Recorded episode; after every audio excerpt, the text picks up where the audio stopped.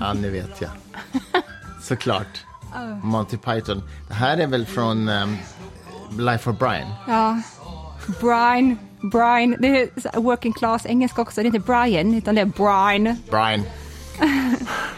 Alltså jag var ju faktiskt kanske den enda 14-åringen i Sverige. Och när var det då? Jag är född 84, så att 98 då. Som var jättekär i Michael Palin. Kommer du ihåg honom? Ja, ja, gud ja, verkligen. Ja. Hade inte han här matprogram och grejer sen? Han hade ett reseprogram Ja, det var reseprogram var det kanske? då han åkte runt för BBC.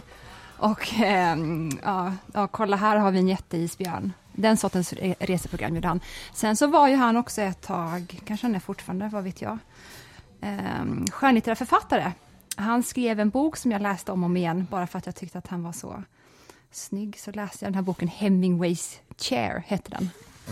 Det var en ganska dålig bok faktiskt. Handlar om en engelsk kufig man som byggde en segelbåt. Och så Nej. seglade han till Skandinavien i, den, i slutet. weird. Ja. Kan man få säga skål? Skål älskling. God champagne, God champagne. eh, som sig bör. Men du, ja, skål bara. Du passar så himla bra i det här ljuset. Jag önskar ni kunde se honom. Jag ska ta en bild på dig. Du är jättefin. i det här mörka ljuset. Men, Ja, just det. Helt svart. Det passar verkligen så bra. Men du, apropå Life of Brian. Mm. Har du sett det här underbara klippet från någon BBC-program när den just haft premiär och någon biskop i England är jätte, jätteupprörd Ja. på John Cleese och eh, någon av de Det är andra. Michael Palin. Det kanske är Michael Ja. Palin. Och Michael är jätte, jättearg. Han var ju alltid den värna, den yngsta utav dem allihopa. Den mest den som inte var lika grov i mun som de andra. Ja. Men i det här klippet så är han alltså, han är i upplösningstillstånd. Nej, han blir ju det till slut, men jag tänker faktiskt på, den, jag, jag kommer inte ihåg nu, men jag skulle tro att det är då första delen, när det är den här biskopen som är i upplösningstillstånd. Han är ju så arg på dem och, och skäller ut dem liksom von oben verkligen, sådär nedlåtande. Att liksom, hur kan ni göra det här? Jag kommer inte ihåg vad han säger, men det är så här, det här är så liksom löjligt att göra en parodi på Jesus på det här viset. Och de sitter bara alldeles, alldeles stilla och lyssnar på hans långa, långa harang. Flera minuter härjar han. Och sen säger John Cleese bara så här, ja men du har ju missuppfattat det här helt och hållet. Det handlar inte om Jesus, det handlar ju om Brian, han som föddes i stallet bredvid. Det är ganska roligt faktiskt. Jätteroligt. Det är verkligen det. Kommer du ihåg en fisk som heter Wanda? Ja, gud ja. Den måste John vi se med Leo. Ja, Gud vad den är bra. Mycket bra Och. Michael Palin, de, de skämtar ju med stammare i den filmen på ett sätt som man inte skulle få göra idag. skulle aldrig skulle tillåtas aldrig idag. tillåtas. Det är gan- ganska sällan man träffar på stammare överlag egentligen. Är det så? Ja, i alla fall. Jag har inte tänkt på. Gud vad den är bra också. Och sen kom det någon uppföljare till den. Ja, eh, precis, som utspelar sig på ett zoo, också med. Kevin Kline och Jamie Lee Curtis Mm. är med i de båda filmerna också. Den var ju inte lika bra.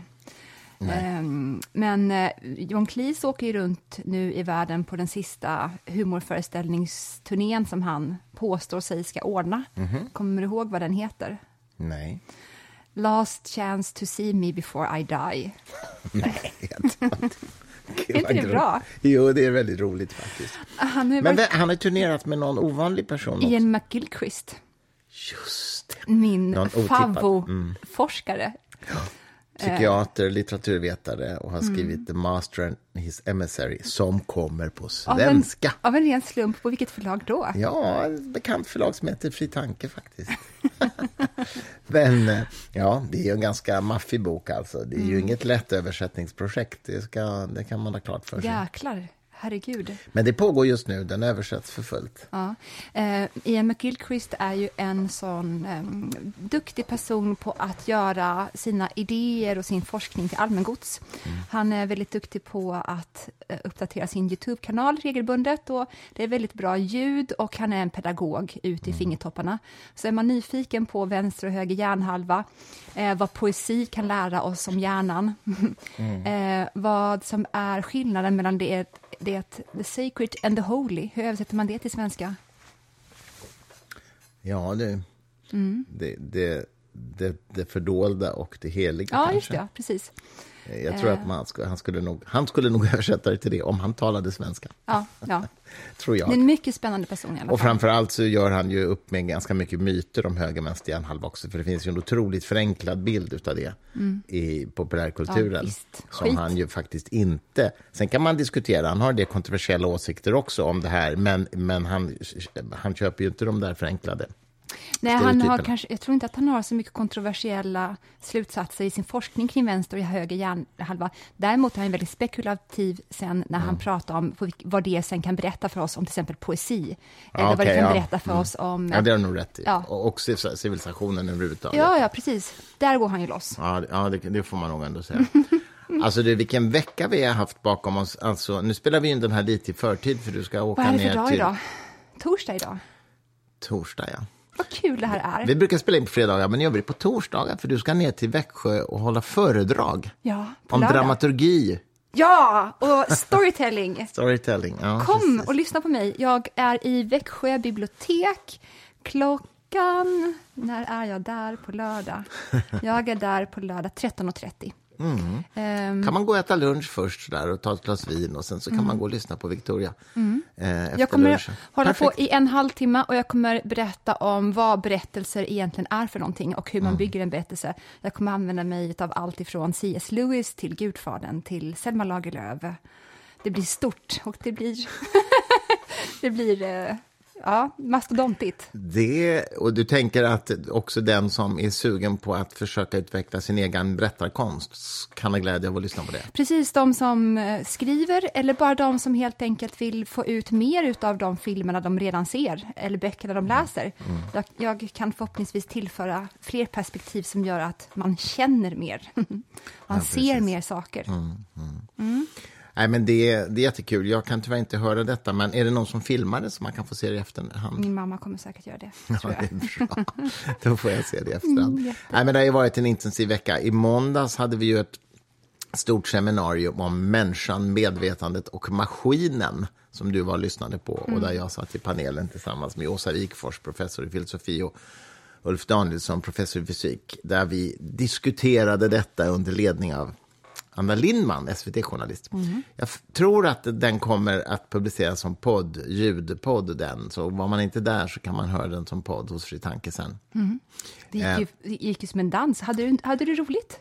Jag hade roligt, jag hade roligt. Det var, alltså vi, vi är ju inte överens om allt, ganska mycket i panelen, men inte allt. Och vi är ganska bra på att eh, tjabbla med varandra, så att säga, om våra respektive ståndpunkter och sådär. Äh, vi, har, vi har ju väldigt kul ihop, vi tre. Som- Ulf, Åsa och jag. Som åhörare så i alla fall jag snappar upp att eh, du och Åsa är lite i team mot Ulf.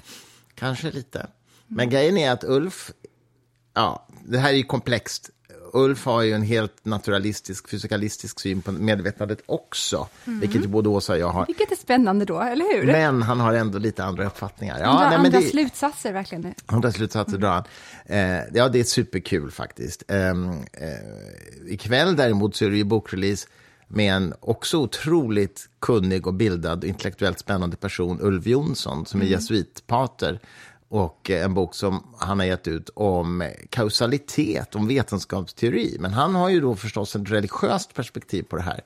Gud och andra orsaker heter hans bok och det är bokrelease i katolska kyrkan i Stockholm Mm, Sankt Eugenia. som jag ska hålla i då. Just det, och då, då är det bara du och Ulf. Det är bara jag och Ulf, ja. Precis. Just det. Och eh, hans bok handlar ju om en slags teori kring hur, hur kausalitet fungerar. Och i hans världsbild så finns ju naturligtvis ett guds, en gudsidé som final orsak, så att säga.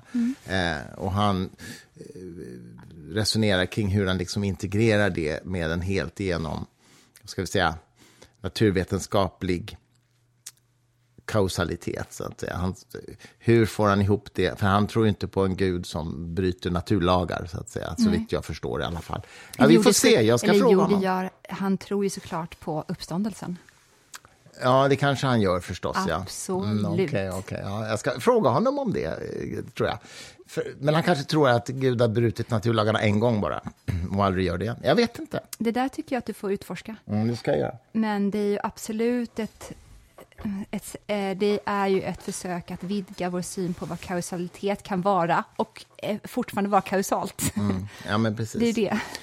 Precis. Nej, men jag, min tanke är att låta honom berätta om den här boken. Är, han skriver väldigt bra och det är verkligen superintressant. Sen har ju han en annan premiss än jag, så att säga, eftersom jag inte tror att det finns en sån orsakande gud, så att säga. Eh, och jag tror, eller uppfattar att han utgår från det som ett axiom, så att säga. I sin... Ja, det, ja, precis. Så att boken i sig är inget argument jag, för eller emot Gud. Men sen skulle han ju nog förmodligen ha problem med att man säger en orsakande gud. Alltså det är klart att han tror att det inte finns flera gudar. Ja.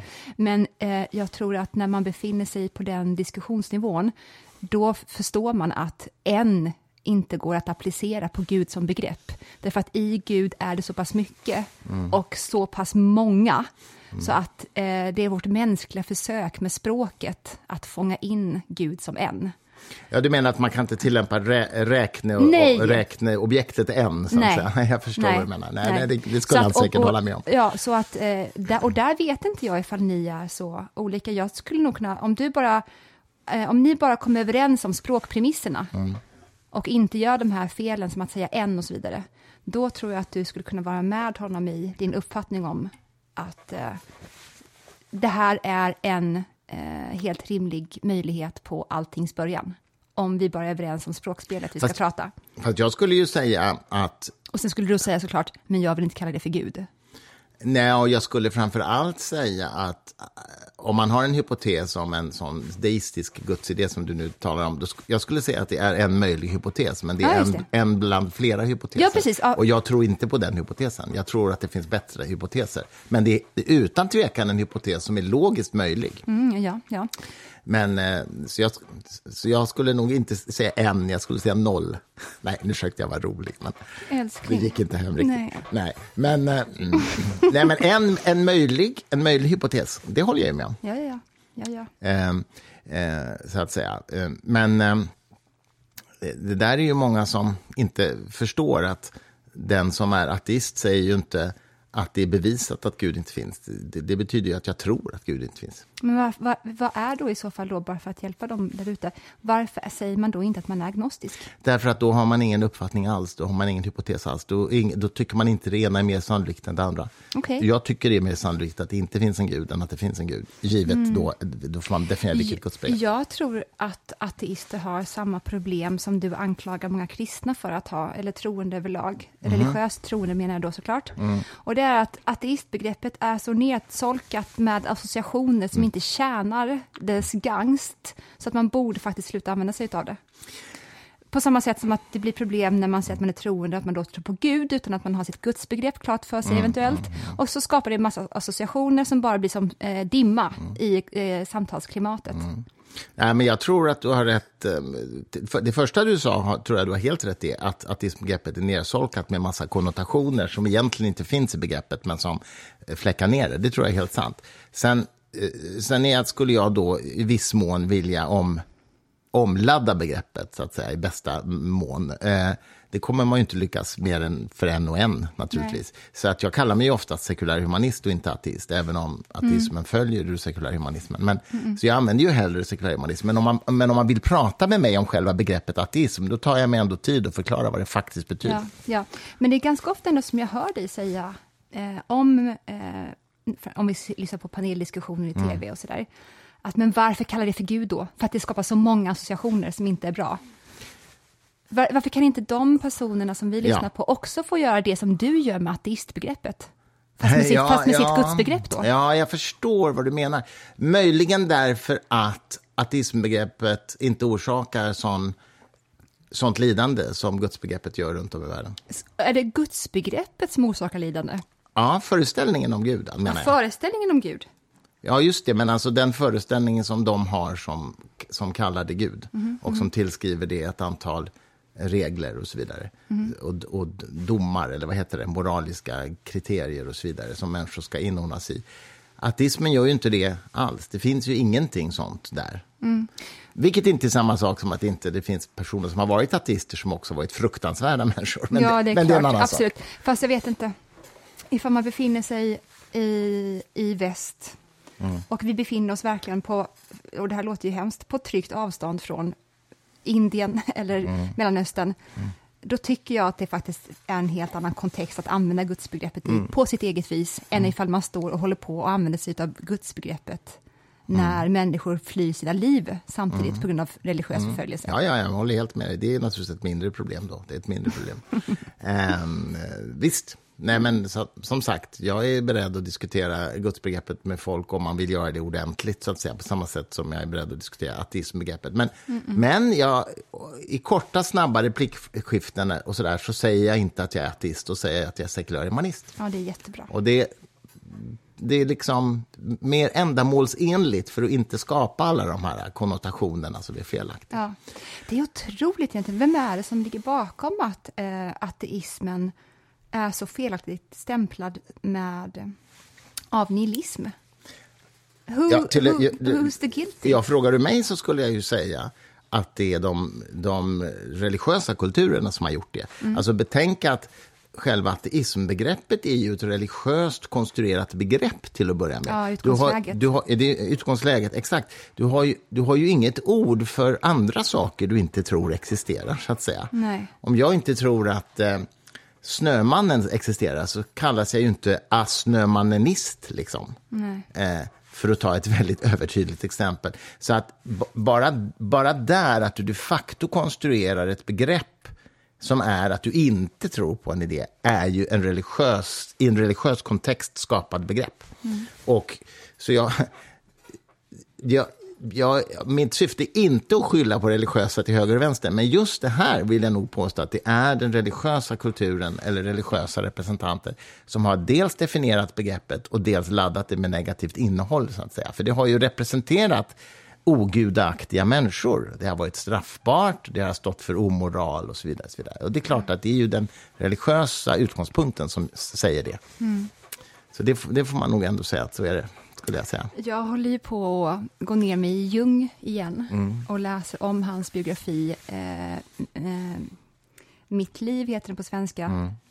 Den ligger här. Nej, det kanske inte är Nej, där. det är en annan biografi Ja, om Jung. Okej. Och i vilken han då säger Man is by nature religious, säger Jung. Vad säger han, sa du? Man is by nature religious. Och eh, Jung var utav den uppfattningen ganska sent in i livet, jag vet inte hur det var i slutet faktiskt, att, att försöka förbise det eller ta sig loss från det skapar i sig så pass många neuroser så att du blir nästan omöjligt att ha relation med eller att kunna bygga upp någonting roligt. långvarigt. Jung sa ju mots- eller förlåt, Freud sa ju motsatsen. Ja, Freud var ju ateist. Ja, jag vet- jag Jung vet. var ju inte det. Nej, men det är det som är så kul, för Freud sa ju precis tvärtom. Han Ja. sa ju att, att religiö- religiositet är En neuros. neuros. Precis. Och, och, och Jung var ju hans elev, så snacka om liksom fadersmord där när de... Ja, så fint att du använder freudianskt begrepp Eller på det hur? också. Thank you and good night. Kachunk. Ja, Ja, ja, ja, men det är precis. faktiskt rätt kul. Mm. Många säger ju, ja, jag har hållit på att analysera evigheter, varför skildes de åt, varför bröt Mm. de med varandra? Eh, de bröt med varandra under första världskriget. Eh, och jag är ju av den övertygade övertygelsen att det har bara i grund och botten att göra med att eh, Freud var ateist och Jung var inte det. Och det genomsyrade så pass mycket av deras livsåskådning och deras syn på vad människan och världen och livet var för någonting, så det gick inte att samarbeta ihop på grund av det. Och det är inte på grund av någon dogmatik eller för att du Nej, är dum som inte inte. tror som jag, utan det är bara så skilda perspektiv som inte går att förena. Nej, Ingen av de två skulle jag tro var dogmatisk i den meningen. Så att säga. Nej, i den meningen. Däremot så var ju Freud extremt dogmatisk i sin syn på vad psykoanalysen skulle vara Ja, för ja, någonting. ja, jo. han var ju uttalat dogmatisk. Han sa ju till och med till den kretsen som han hade omkring sig att vi måste se på det här som en dogm. Det finns vissa saker som vi inte får, får ifrågasätta. Det är motsatsen till den vetenskapliga metoden. Ja, exakt. Och det är ju roligt att sen fick han ju ett antal följen efter sig som ju var ganska sektlika. Margit Norells eh, psykoanalytiska förening i Stockholm. Som, Woody Med- Allen tänkte jag på först och främst. Jaha, okej. Vi glömde ju bara att säga, apropå en intensiva vecka, att i förrgår hade vi också ett seminarium om demokrati med Åsa Mm, Wikfors och Bo Rothstein. Nej, du var jag inte hemma. med. Men, men det lät, jag Bo Rothstein och. Lud- Ludvig Bäckman. Mm. Ja. Och Mårten Wikfors, Åsas bror, som också är med och skrivit hennes bok. Ja. Det var kul också i Scalateaterns källare, så det blev lite så här känsla. Du var inte med som sagt, men det var lite så här, det är ju en sån här stand-up comedy-scen egentligen. Mm, ja. Så det var en ganska cool stämning faktiskt. Vi ska göra fler grejer där. Mm. Vi ska göra en grej med Ulf Danielsson och prata om rymden och fysik och sådär i 6 december. Det blir- 6 december, hör ni det? Vi ses 6 där. december. Det blir kul. Mm. Sen kan ju vi också, när vi nu ändå är inne på det här, rallyt av att berätta om eh, var... Allt vi gör. du, bara ska. du tänker på vår kommande talkshow. Vi har en talkshow på gång. Det blir nog så att den gyllene grenen i vår kommer att ibland gestaltas live På riktigt. inför publik som en talkshow. Ja. Och där kommer vi sitta och eh, härja loss inför öppen ridå, helt skamlöst. Vi, vi, än så länge är det lite småhemligt, men man kan, tycker jag nog ändå tillåta sig att säga att ringa in datumet 12 februari, minns jag rätt? Ja, Eh, Det är en söndag eftermiddag, tidig kväll. Precis. Vi återkommer Ni med kanske bara kan detaljer. skriva någonting i er kalender om det. Men det kommer vara på en väldigt trevlig plats, kanske den trevligaste platsen i Stockholm. eh, Jag som då är kulturkonservativ älskar ju det här. ni kommer förstå när ni får höra vad vi ska vara. Och eh, det kommer vara alkohol och det kommer vara mat. Mm. Vi, vi, vi lägger Och, ut- lite, och gäster kommer vi ha då Ja, förstås. absolut. Det ingår ju konceptet Ja. talkshow. Ja, Det har vi eldslukare. Eldslukare och jonglörer. Nej, det ska vi inte. Dvärgar. Nej, Men vi har ju normalt sett inte gäster. Vi hade ju det förra gången dock, eh, Ja. Isabella. Eh, som ett litet kul experiment. Det var, det var väldigt. Taskigt att kalla henne för ett litet experiment. litet experiment. Hon är ganska liten, men med en stor röst Ja, och själ. och själ. Mm, verkligen. That's so true. Men, men eh, annars har vi ju inte haft några gäster, va? Nej, det har vi inte. Hon var första gästen. Mm. Ja. Ja, nåväl, i vår talkshow kommer vi ha gäster i alla fall. Vi Flera kommer stycken. ha tre per gång. Mm, det är väl grundtanken. om, om vi inte spårar ur fullständigt första gången så kommer det här vara en återkommande sak under Mm. hela våren. Skål för det! Skål för det! Är du avundsjuk på mig för att jag har så mycket mer kvar Ja, det, det, jag fattar inte hur det går till alltså. Dricker Alltså- du baklänges? Oj. Vi ska alltså ta en taxi in ganska, ganska snart. Och jag, Mm. har mor- jag sitter i morgonrock och jag dricker champagne. Jag har blött hår, men jag har röda läppar i alla fall. Ja, det har du. Men du, vi kan inte sluta än, för det, du Nej, måste vi inte. berätta. Du måste berätta om hur din, du, hur din liksom kreativa vecka har varit. Vad har du, vad har du gjort? Jag håller på och skriver inledningen på bok nummer tre just nu. I väntan på att få tillbaka bok nummer två. Från din redaktör, ja. Från min redaktör. Och bok nummer tre kommer heta Den döende slaven. Mm. Är det bestämt även med, förankrat med förlaget? Det är förankrat. Och eh, allt, det är ute eh, på Storytel och överallt. I bokhandel också ser man att, man- att man kan kolla kommande böcker. Då ligger den där redan. I alla fall, jag vet vad den första meningen i bok nummer tre ska vara. Låt höra. Eller, eller det kanske inte Jo, det kan jag faktiskt. Bit mig. Okej. Det är alltså en vampyrroman? Nej, jag ska. Nej, men ni som har läst första boken, Den, den nionde kretsen, ni har ju i den boken stött på den här Måvits Schlick, som har en stor fest i början på boken, på Riddarholmen. Och den här societetsfesten då är ju till för att eh, äta och dricka, men det är också lite grann till för att fira att Kryger, det aset, i alla fall är död. För Kryger har ju gjort alla rika människor i Stockholm halvfattiga eller fattiga. Så man träffas på Riddarholmen i ett palats och eh, då skålar över att det aset är borta åtminstone. Eh, och den här personen som håller i den festen heter Movic Schlick. Och han får ett väldigt speciellt han går ett öde till mötes i första boken som inte är så trevligt. I andra boken utspelar sig ju i eh, norra Italien och lite grann i Zürich. Lite grann i Umeå också. Och den är alltså nu inlämnad. Men vad som händer i trean är att vissa av karaktärerna från ettan kommer tillbaka igen. Jag kommer köra tvåan ganska, till största del Italien-baserad. Men sen så kommer då godingarna från ettan tillbaka i trean. Bland annat en karaktär som heter Meme. Eh, ni som har läst minns den här mäklaren och Han är ju antikvitetshandlaren. så kul, alltså. Vilken karaktär. Witty like hell, alltså. Verkligen. En slags Oscar gränslös. Wilde, typ. Ja, visst. Gränslös. Totalt. Han är tillbaka med Hull. Och då är det kul, tänker jag också, att första boken utspelar sig ju 34 och tredje boken, då är vi ungefär tre år framåt i tiden. Och då är det kul att se vad tiden har gjort av Meme och hans drinking buddies. Hur mår de idag? Meme har ju han är bästis med den här vakten, polisen, och så är han Mm. bästis med doktor Vide, som är en kvinna. Men Hur mår de nu? Gud vad spännande. Ja, det ser, det ser Den nionde kretsen finns som pocket nu för Den kom också. som pocket idag va? Ja, idag. Ja. Så om man inte vill eh, ha råd att köpa den inbundna så kan man köpa den som pocket. Ge bort den i julklapp till alla ni känner. Perfekt julklapp. Ja, ja, ja. Alltså, jag älskar ju den här wittinessen som, har, som är med har som Oscar Wilde. Du vet vad Oscar Wilde sa när han åkte till USA första gången och gick genom tullen? Nej. Så sa han till tulltjänstemännen I have nothing to declare except my genius of course. Tycker jag är en bra kommentar. Jätte, jätte, jättebra. Mm. Jag undrar om han har levande släktingar kvar. eh, Ja, det är en bra fråga. Sånt- Han fick ju barn. Ja, han två stycken otroligt vackra barn. Hans, gud vad hans fru var snygg. Mm. Har du googlat på henne? Vad hette hon? Constance? Eller? Har Jag minns inte det. det. Men ofta när man läser om kvinnor som eh, på sin tid var skönhetsideal, så googlar man på dem och man bara, eh, man fattar Mm. Alltså, ja. ingenting. Men Oscar Wildes fru var verkligen, Nej, jag, jag har ingen minnesbild av det, men det har jag säkert kollat på. Jag läste jättemycket om Wilde. Mm. Om Wilde snarare än av Wilde när jag var ja, ung. så är det med vissa var- karaktärer att det är roligare. Jag läste biografier och grejer och hans Mm. rättegångsprotokoll och allt möjligt. Han blev ju fängelse, dömd, dömd till fängelse. Mm. Så allt det där läste jag faktiskt. Men inte, jag tror inte jag har liksom läst någon av hans pjäser rakt upp och ner. Ja, men det är inte så kul. Nej, det är inte det. Humor överlever ju inte tid så bra. Nej. Eller hur? Nej, that's, that's a, that's Humor- a good point.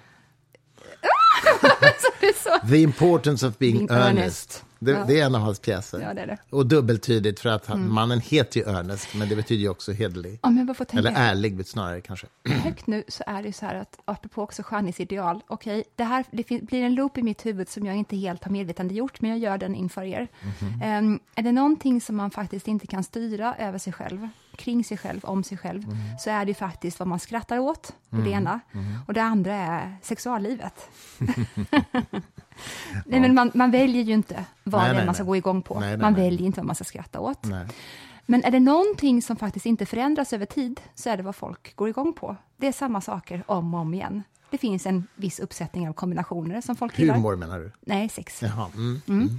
Där, Ja, ja, för humor ändras ju. Det är det men som är din humor ändras någonting så otroligt mycket. Mm. Ja, det är Och sant. humor överlever inte tid. Om jag eller du eller vem Mm. som helst däremot får läsa om vad någon gick igång på för hundra år sedan, då skulle du och jag säga, ja, men det kan jag fatta.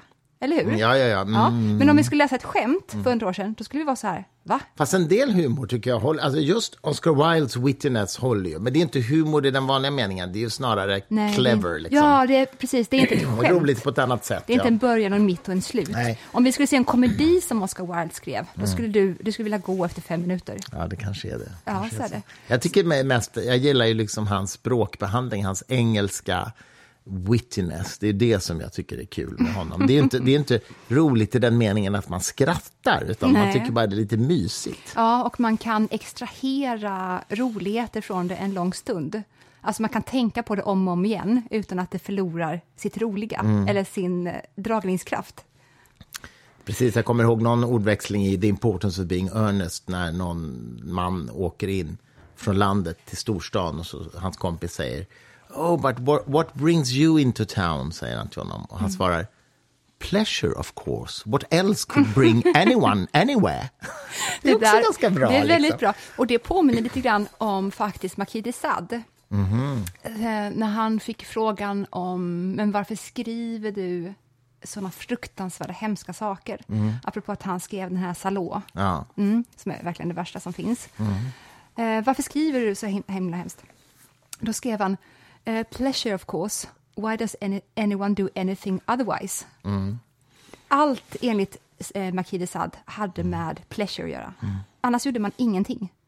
Så att i Marquis de Sades värld så fanns det inte sånt som nobelhet. Det trodde inte han på existerade på riktigt. Var en nihilist. Ja, men det kan man ju då säga egentligen. Han var väl psykiskt sjuk också. Men, ja, men man är aldrig bara psykiskt Nej, sjuk. Om man ska bara- återkomma till vad Freud ändå lärde samhället. Nej, och vad, ja, det är att även den psykiskt sjuka har ett innehåll som är extremt Mm. eh, kunskapsrikt. Om människan. Jo, jo, ja, om människan i absolut. stort också. Vet du vad jag inser nu när vi pratar så här nu? Nej, Jag saknar vårt gamla sätt att podda på. vad var det? så här som vi håller på nu, Mm. det är så vi pratar jämt, du och jag. Eh, vi fick ju någon idé, du och jag, som vi båda gick igång på för kanske några månader sedan, om att vi skulle ha med oss ett ämne. Mm. Ett tema, in- ja. ett tema precis. Ja, nej, men det har vi väl inte lagt på hyllan. Det bara Nej, blev men, inte nej nu. men, men vi, har, vi har gjort det varje vecka Mm. vi kom på det. Det har vi. Men nu när vi inte har med oss det in i podden, då vi håller på så här associativt, du och jag, fan vad det är härligt. Ja, men, ja, ja, precis. Jag tror man kan göra både och olika veckor. Liksom. Ja, ja. Eh, för det går, vi, vi, vi gillar ju att associera. Vad var det som Isabella kallade det för så roligt? Associationsrubbning. Associationsrubbning. Och jag frågade henne vad är skillnaden på en association och en associationsrubbning. Mm.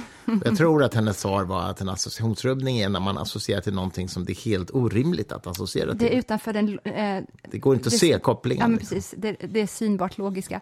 Men jag kommer ihåg, nu outar jag återkommande gäst i vår podd, fast motvilligt, höll jag på säga, Thomas Eneroth. Ja, Kommer du ihåg? vår goda vän. Vår Ja. Mm. goda vän, som vi tycker så mycket om.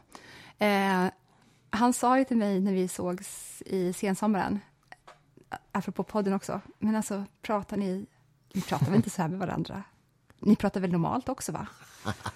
Och jag förstod, och, han, att, och hur jag satt Ja. bredvid honom, och jag, han såg på min blick att jag inte förstod vad han menade, och Mm. det var svar nog. För då förstod han att det är så här vi håller på jämt. Ja, men det är ju men det det. är ju det.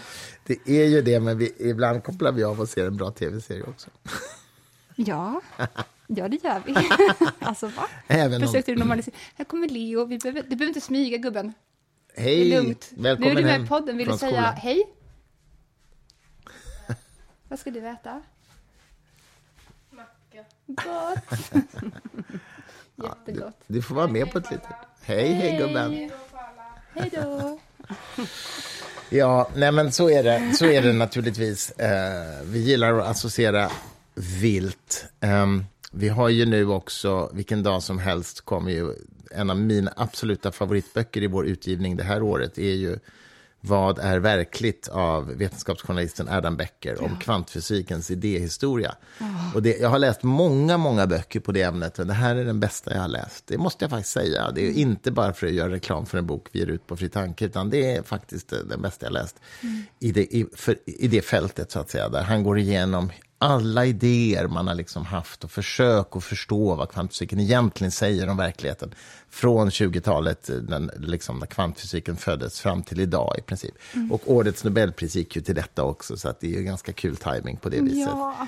Ehm, eh, den kommer på svenska vilken dag som helst nu. Det är Alltså det är faktiskt... otroligt. Det är the julklapp. Gå Ja, in och köp. köp. Och på må- imorgon ska jag faktiskt spela in en podd med honom, Adam Becker, via Mm. Zoom då förstås. Han är ju inte i Sverige utan han är i USA. Men ska, då, ja, det ska bli kul. då Gud, ska vad vi prata om det här på engelska. Inte helt lätt dock Nej, men för det mig. klarar men, du. Jo, gud. Det känns bara så, men det säger ingenting om hur det verkligen är. Nej, men det blir nog bra. Det, det, det blir det nog. Det ska bli kul. Man skulle vilja höra lite grann om hur han var det, hur det svungade i honom när han fick beskedet om Nobelpriset. Och Man vill veta det. Mm. Det Utan nog- att ställa de här dumma sportjournalistfrågorna såklart. Hur, känns det? Hur känns Inte.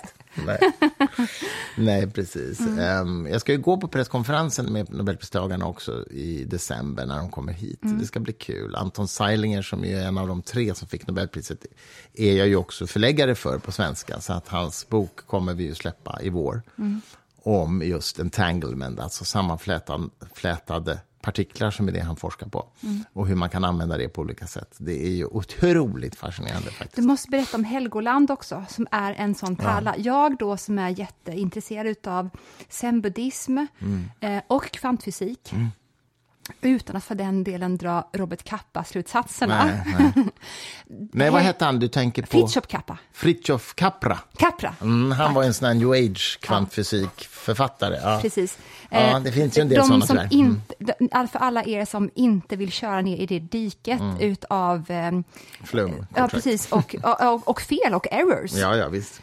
De har ju inte, alltså, de har inte fattat fast- vad kvantfysik handlar Nej, om. och de, det, är, det, är en man, det är en manipulativ version av det. Ja. Eh, Men däremot så finns då Helgoland utav Carlo Robert- Rovelli, Just det, Carlo Rovelli. italiensk pr- fysikprofessor. Oerhört duktig skribent också. Ja. Som drar de vackraste, efter att han beskriver då hur den här ön, Helgoland Mm. i Östersjön, var den punkten då Heisenberg Mm. upptäckte att den matematiken eller den fysiken som vi hittills känner till är inte längre gällande Mm. eh, om man zoomar in verkligheten på den här nivån. Mm. Och det i sin tur då säger någonting om verkligheten i stort. Mm. Att det vi har trott oss begripa är gällande på bara en liten, liten yta utav verkligheten.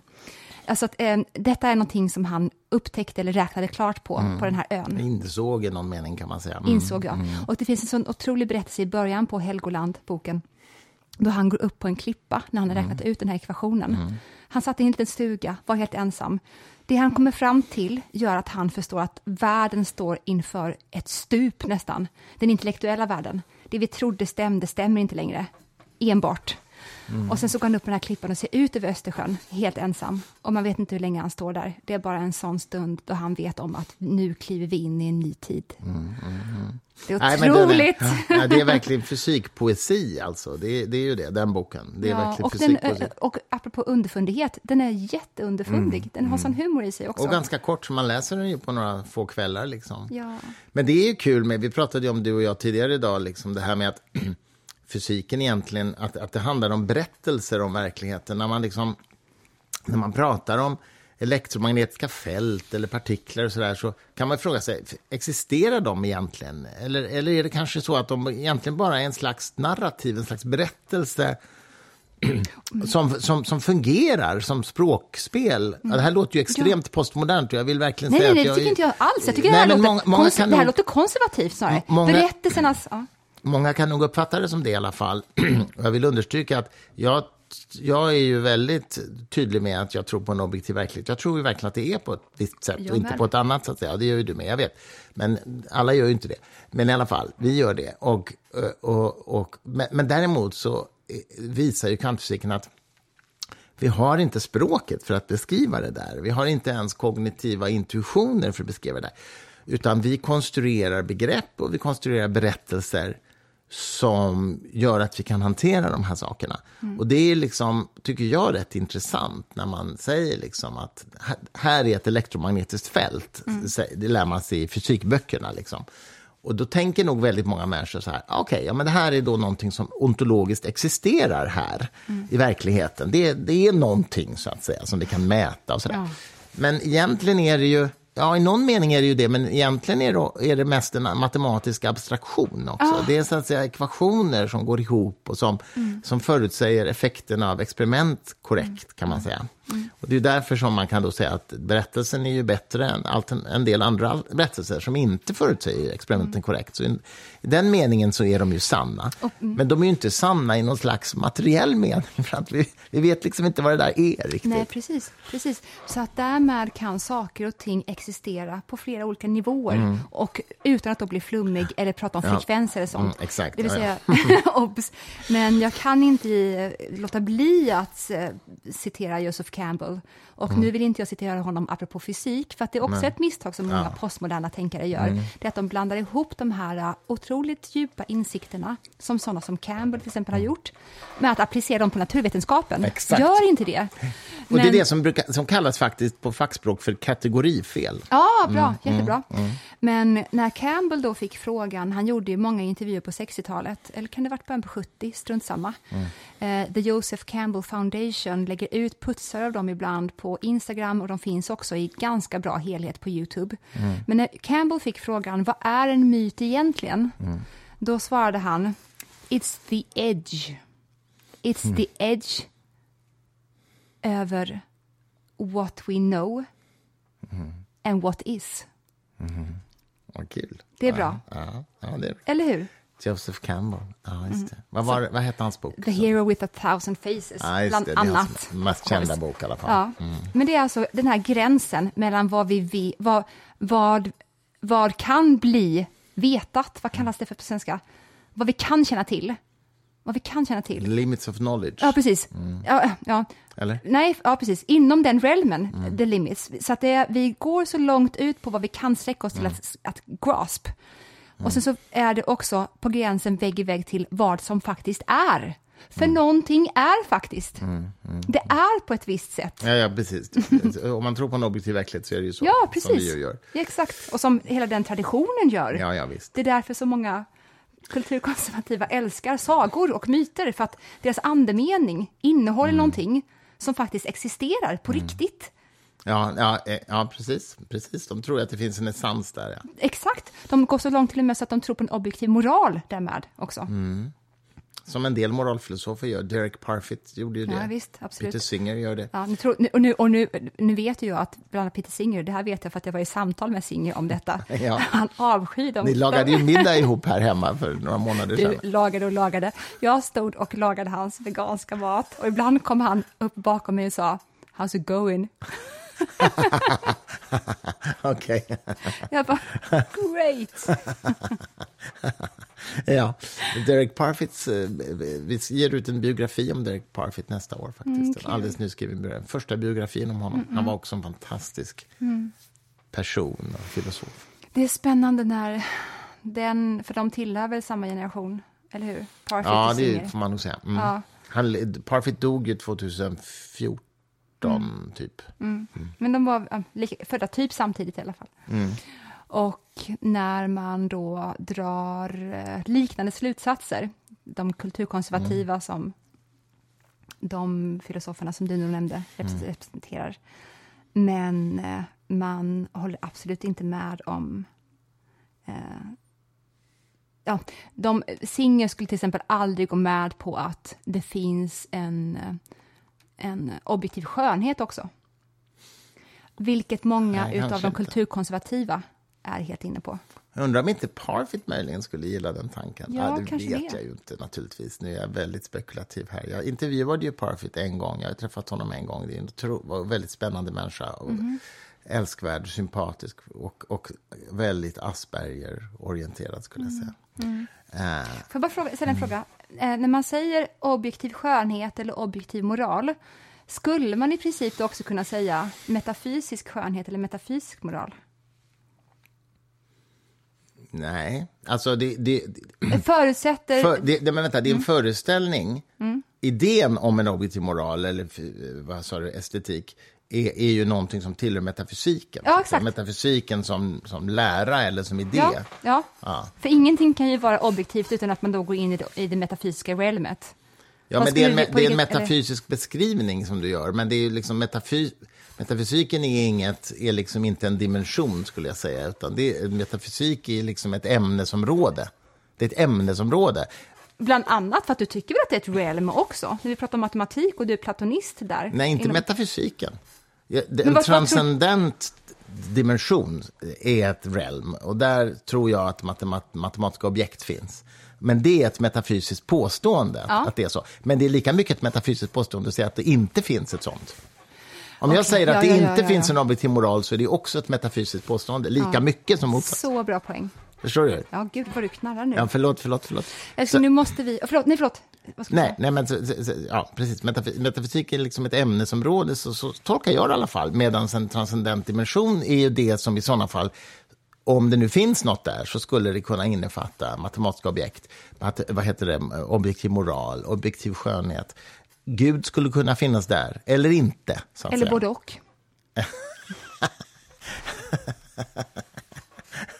Nej, jag tror inte att det både, kan finnas både Gud och inte Gud. Tror jag inte. Åtminstone inte om det är samma okej, gudsbegrepp. ja, okej. Jag trodde du menade att Gud kan både finnas i det här realmet, i det här realmet som du pratar om, Mm. och utanför det. Alltså i, i...